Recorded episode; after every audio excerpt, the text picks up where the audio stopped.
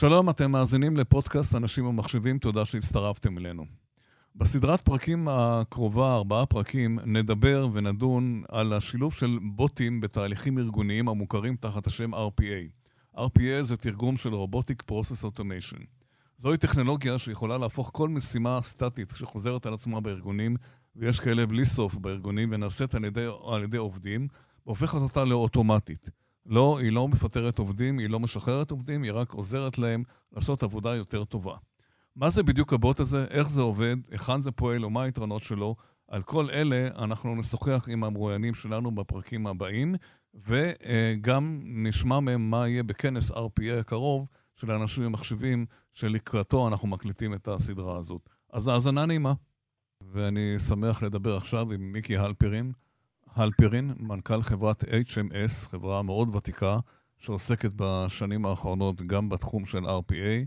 מיקי הוא מנכ"ל החברה מזה ארבע שנים, זאת חברה משפחתית, הוא בעל תואר אה, LLB משפטים ו-BA במנהל עסקים, ואנחנו נשמע ממנו איך החברה רואה את הנושא של ה-RPA בישראל ומה היא עושה בכלל. שלום למיקי הלפרין.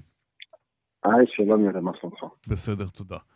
אז אה, בוא נתחיל קצת לספר קצת אה, מה... אני בטוח שחלק מהמאזינים מכירים את החברה, חברה מאוד ותיקה. אה, תספר בכמה מילים על החברה וגם קצת על עצמך. אתה מנכ"ל יחסית ארבע שנים בחברה, נכון? דבר. נכון. כן. כן, HMF היא חברת ייעוץ שמובילה בעצם את תחום הייעוץ והאסטרטגי בתחום ה-IT, בעיקר בסקטור הפיננסי. כמה שנים היא קיימת? כמה שנים? 28 שנים, ואפריל כבר 29. היא הוקמה על ידי אבא שלך, נכון? הוקמה על ידי אבא שלך. נכון, אני דור שני, כן. אבי מורי הכניס אותי לחברה לפני אה, עשור וחצי, ומזה ארבע שנים אני מנכ"ל החברה. אוקיי. בתקופתי החברה צמחה, היום אנחנו למעלה מ-300 עובדים. אנחנו עוסקים במערכות ליבה בנקאיות, ברגולציה בעולם הפיננסי, סיכונים, ניהול נתונים, כתובות נתונים, כן. וגם הרבה בעולם של אה, ניהול פרויקטים, וכמובן, כמובן RPA. כמה עובדים אתם בחברה? למעלה מ-300. וואו, יפה מאוד. ואתם בעיקר חזקים במגזר הפיננסי, נכון? כמו שאמרת. נכון. יפה מאוד. אז מתי ואיך הגעתם, מתי ואיך הגעתם לנושא של RPA? הוא יחסית בישראל חדש, כמו בכל זאת מדברים עליו באחרונה, הוא לא חדש, כן. נכון, אבל אני אגיד לך, החיבור הוא דרך העולם של הארגון בשיטות. ה-RPA זה גם כן מערכות שהפכו להיות אה, בוגרות יותר לפני כארבע שנים, כן, בדיוק. בעצם לעשות את האוטומציות אה, לראשונה. היינו ככה דור המדבר, mm-hmm. ולאט לאט למדנו יותר איך לפתח את התהליכים מקצה לקצה, אפשר לדבר קצת מה זה קצה לקצה, כן. ואיך בעצם לוקחים תהליכים שהם תהליכים רוטיניים. בארגונים שהם ארגונים גדולים, בעיקר באזורים התפעוליים, זאת אומרת, אני מדבר איתך על אזורי התפעול, ה-back office, ובעצם שמה לבוא ולהכניס תהליכי אוטומציה, ולמאזינים אני אסביר, אנחנו לא מדברים פה על רובוטים אה, פיזיים, אלא על רובוטים וירטואליים, למעשה זה, אנחנו מלמדים, או בעצם מלמדים את הרובוט לחכות עבודה של משתמש, של בן אדם, כולל לתת לו שם משתמש בסיסמה. אז זה סוג של AI? זה סוג של AI? זה, זה, ברמות המתקדמות הוא גם יודע לעשות דברים שקשורים ל-AI, אבל כרגע אנחנו מדברים בדברים שהם ממש כן. straight, straight חינוך של הרובוט לעשיית איזושהי פעולה. Mm-hmm. זה יכול להיות פעולה שעושה פקיד בבנק, זה יכול להיות פתיחת הלוואה, סגירת הלוואה, כן. זה יכול להיות תשלום לספקים, זה יכול להיות ביצוע התאמות. אנחנו רואים את התהליכים האלה פועלים בעיקר ביחידות back office, כמו שאמרתי, גם יחידות כספים, גם יחידות שירות לקוחות, ויש פה גם, יש פה נקודות חיבור מאוד ייחודיות בין ה-IT לבין ה business. פתאום. ה-IT צריכים לספק ל business כוח אדם דיגיטלי, digital workforce, ונשאלת השאלה, כשהרובוט לא מגיע או נופל, מי מאפס אותו, האם זה ה business או האם זה ה-IT. Mm-hmm. יש פה הרבה דברים שקשורים לחיבור בין ה front-end ל back-end במשרד, שאנחנו רואים אותם קורה דרך התהליכים האלה. Mm-hmm. החלק היפה, כמו שאמרתי, בשנים האחרונות התחום הזה באמת פרץ ותפס תנופה, אבל מה שבאמת לדעתי אה, עזר מאוד לארגונים להבין את הערך של... זה הקורונה, בתקופת הקורונה. זה מה שקרה בקורונה. ספר לנו קצת באמת, היה לכם הרבה סיפורים מעניינים שם, כן. בטח. קודם כל, תראה, ארגונים שהגיעו מוכנים לקורונה, שזה היה האירוע המשבש הכי גדול בדורנו. כן. יכלו לכבות שרפות, אני קורא לזה באמצעות הרובוטים. כי זה קרה מהיום להיום, אף ארגון לא, לא חלם על זה. מהיום כן. להיום וזה התחיל, תשמע. כן. יכול להיות סוכנות נסיעות שפשוט סגרו להם עכשיו את כל נכון. העובדים וצריכים לבטל אה, אלפי אה, טיסות והזמנות של מלונות וחבילות נופש ולפצות את הלקוחות בכסף. זה יכול להיות ממש לאחרונה, כולנו זוכרים שלפני חודש אה, ניסינו לקבוע תור לקופות החולים ולמעשה המוקדים קרסו. נכון, נכון. המוקדים קרסו והפתרון היה כמובן עם אנשי הקופות כתף לכתף, לבנות תהליכים אוטומטיים שמאפשרים הזמנת חיסון ראשון, הזמנת חיסון שני, ביטול חיסונים, ועל ידי כך להוריד למעשה את העומס האדיר במוקדים, אנחנו מדברים על 150 אלף קריאות או פניות ליום למוקדי הקופות, אז בשתי קופות אה, גדולות, גם כללית וגם מכבי, סייענו להם. אז מה עשיתם שם באמת? מה עשיתם? אוטומציה של התהליך של הזמנת החיסון הראשון, הזמנת החיסון השני, ביטול מי שרוצה, הכל נעשה באופן דיגיטלי. והכמויות היו מדהימות. דרך אגב, בעבר... זה ממש בן לילה היה צריך להקים את זה, זה קרה מהיום להיום, כן, נכון? זה, היה, זה אנשים, אנשים שעבדו מסביב לשעון. 24 שעות. קיבלו, קיבלו ארוחת צהריים ב-12 בלילה. וואו. זה פשוט, אה, זה פשוט ככה, וזה לא רק אה, כמובן הצוות שלי, הצוותים כן. שלי וגם כמובן הלקוחות. כן. עובדים ועובדים עד שזה נגמר, וזה, ראיתם בבת אחת, כולנו הרגשנו שפתאום... אה, הצלחנו לחזור ליכולת של להזמין תור לרופא משפחה. והצלתם את המדינה, הצלתם את המדינה, כי זה היה נורא, היו תורים והמתנות והיה המון תלונות. זה בהחלט אה, הוריד, אה, הוריד לחצים מההנהלות של הקופות. אה, דבר נוסף, אם אתם זוכרים את תחילת המשבר, אתה זוכר, יהודה, היה עצירה של משכנתאות ועצירה כן, של הלוואות. בטח. וכל הדברים האלה גם כן, כשהסניפים סגורים ופתאום צריך לדחות עשרות או אלפים של בקשות למשכנתאות, אז אנחנו בעצם נתנו פה תהליכים של אוטומציה גם לנושא של דחיית תשלומים, mm-hmm. גם בכרטיסי אשראי, גם עצירת תשלומים בפוליסות בריאות, mm-hmm. אפילו בקשה לקבלת כסף בערבות מדינה, אפילו זה כבר הצלחנו למקן את זה. עכשיו, אתם, זה תהליכים שארגונים יכולים לעשות אותם בן לילה. Mm-hmm. כי היום עיקר תהליכי ה-RPA, אתה בעצם ממקן הליך mm-hmm. בתוך שבועות עד חודש-חודשיים, זה עיקר הרוב הגדול. כן.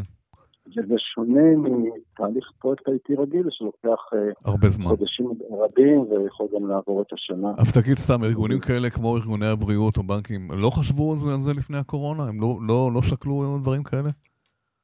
קודם כל, אנחנו עד היום הטמענו למעלה מ-600 תהליכים בייצור בארגונים האלה. זאת אומרת, הארגונים האלה כבר למדו להבין כן. את, ה, את היכולות של ה-RPA, והם עושים את זה בתהליכים של ה-day to day שלהם. כן. הקורונה אפשרה להם לפעול במוד של כיבוי שרפות. זאת אומרת, היה להם גם קודם? היה להם קודם אה, את התהליכים? כן. אה, אוקיי. כן, היו לא תהליכים. קודם, ובעצם ברגע שהארגון כבר היה לו את זה בתוך הבית, בסל הכלים של ה-IT, הוא ידע לנצל את זה ולהשתמש בזה. זאת אומרת, ארגונים שהגיעו לקורונה בלי RPA, ולא הצטיידו ב-RPA גם בשנה האחרונה, היה להם קשה. היה להם, כן. כן. היכולת, וזה, היכולת פה היא בעצם אחרת לגמרי, כן. מבחינת התגובה, יכולת תגובה. הבנתי. אה, אתם עשיתם איזשהו סקר לקוחות, שביעות אה, רצון מהנושא של RPA, תספר לנו קצת על זה. תראה, מה שאנחנו רואים זה שעשינו סקר לקוחות ראשון השנה, כן. כל הלקוחות שלנו, קרוב ל-30 לקוחות כבר. ומה שאנחנו רואים זה שיש שביעות רצון מאוד גבוהה בעולם של RPA, עד כדי כך שמרבית הלקוחות שלנו, 59%, הולכים להגדיל באופן משמעותי את הפעילות של RPA ב-2021. כלומר, אלה. שהבוטים החליפו את חלק מהתפקידים שלהם. זאת אומרת, הם לא נבהלו מזה והם ראו שזה טוב. הם, הם לא נבהלים וממשיכים, ואני אגיד פה ככה למאזינים שצריך לזכור שבכל זאת רובוטים זה רובוטים. כן. ואמפתיה, אינטואיציה ושיקול לא דעת. לא קיים, כן. לא ניתנים להחלפה על ידי כן. רובוטים, לפחות לא בשנת 2021. ומי שחובב מסע בין כוכבים, הדור הבא יראה שגם ב-2024 זה לא מה שקורה. הקורונה, הקורונה תקדים את זה, הקדימה הרבה דברים בחיים, כן. הגיע, נכון, אנחנו ראינו את, ה, ראינו את, ה, את, כל, ה, את כל הסיפור הזה, בא מאוד מאוד מהר ב-2021. כן, כן. הרגשנו את זה. אני אגיד עוד משהו עוד משהו מעניין, זה שכשאנחנו מסתכלים היום איפה, איפה הדברים שהלקוחות מחפשים ב-RPA, הם מחפשים באמת למקן עוד ב-use cases, והרבה הרבה use cases. זאת אומרת, אם היינו רואים, ראינו בעבר כל מיני דברים בעולם ה-IT שלא ברור לגמרי איך אנחנו הולכים לממש אותם, דווקא הכלים האלה של ה-RPA, בגלל הפשטות שלהם יחסית, ואני אגיד לך שהצוותים שלנו של RPA, שהם פשוט חבר'ה. מיוחדים ומוכשרים בצורה יוצאת דופן, רובם הגדול הם לא מתכנתים. הם מהנדסי תעשייה וניהול, אה, דווקא, כן, בתהליכים כן. מאוד מעניין, וזה גם, אם אני מחבר את זה למהפכת הלואו-קוד, בעצם אתה רואה שיש קהלים וכוח אדם מאוד מאוד טוב שנכנס לעולמות האלה של תכנות ועבודה דיגיטלית, שהם לא בהכרח מתכנתים ונותנים ערך עסקי עצום לארגונים אולי דווקא בגלל שיש להם את החיבור לביזנס. כלומר, הטכנולוגיה היא לא האישו פה, היא יותר התהליכים שהיא עושה בתוך הפנים ארגוניים, נכון? גם הפנים ארגוני, והערך הנוסף שהחבר'ה מצליחים לתת, שאני בעצם, מה שאני בא ואומר זה שהרבה אנשים שהיו מחוץ לסיפור הזה של מחשוב ואימפלמנטציה של מערכות נכנסים יותר ויותר בגלל שבגלל הפשטות של היישום של המערכות האלה, עדיין חייב להגיד, זה מערכות מורכבות, mm-hmm. צריך לדעת לעשות את זה, ההכשרה לוקחת חודשים, אבל ברגע שאתה יודע להטמיע את התהליכים האלה בארגון, הערך אה, והלימוד באמת ערך עסקי אדיר. כלומר, באותם ארגונים שהכנסתם את ה-RPA בזמן הקורונה, התהליך הכשרה היה יותר קצר כי הם ידעו על מה מדובר, לא התחלתם את זה אז. הם, הם קודם כל, תשמע, הארגונים רואים, בוא, בוא אני, אני אחדד, הארגונים רואים קודם כל ערך עסקי של החזר השקעה mm-hmm. מאוד מהר. Okay. אוקיי. ה-ROI של תהליך רובוטי הוא מספר חודשים. זאת אומרת, אם אני לא יודע להראות לך למה אני מחזיר לך את הכסף תוך שלושה ארבעה חודשים אנחנו בכלל עושים את התהליך הזה, אלא אם כן יש פה סיבות אחרות, כמו הורדת סיכון תפעולי, או איזשהו כן, שיפור של כן. SLA, שאתה מחויב כלקוח ללקוחות שלך, אז אתה רוצה פה להיות בטוח שאין פה, איזשהו, פה איזושהי בעיה. אבל בגדול, קודם כל ה-ROI הוא מאוד מאוד חזק. Mm-hmm. השעה אחרי זה זה כל הדברים הבאים של שיפור שביעות רצון וביצועים יותר טובים וכולי וכולי, עד הורדת הסיכון התפעולי. אה, אנחנו מקליטים את התוכנית לקראת כנס אה, RPA שאתם משתתפים בו, מה אתם הולכים אה, להציג בכנס, מה יהיה? נדבר קצת על ה... באמת ניתן דוגמאות קצת יותר לעומק, איך הלקוחות שלנו עברו את תקופת הקורונה, ואיך הם השתמשו ב-RPA. אנחנו נציג את הסקר המלא, ואנחנו גם נדבר על מגמות העתידיות, כי בסופו של דבר אנחנו נמצאים פה באיזשהו פרוסס שאם אנחנו ניקח את העקומת גאוס, אנחנו נמצאים פה רק על ה-early adapters והחבר'ה הראשונים ככה כן, נכנסו עדיין, לעולם עדיין שם. יש פה עוד הרבה כן. הרבה מה לעשות כן. בעולם הזה. כן. אה, כולל, כולל שילובים עם ענן, ואני חושב שאנחנו עוד לא סיימנו להגדיר עם הלקוחות שלנו איפה נעצרים הרובוטים, ו... ואיך עדיין עובדים בצורה היברידית, ויש פה הרבה הרבה דברים נוספים שאנחנו נגלה ביחד איתם בשנים הקרובות. אגב, מה התחזיות בעולם להמשך ההתפתחות הנושא הזה? זה גדל הרבה, הבנתי, נכון. בזמן הקורונה, השאלה אם ארגונים ימשיכו להשקיע בזה. חד משמעית, חד משמעית.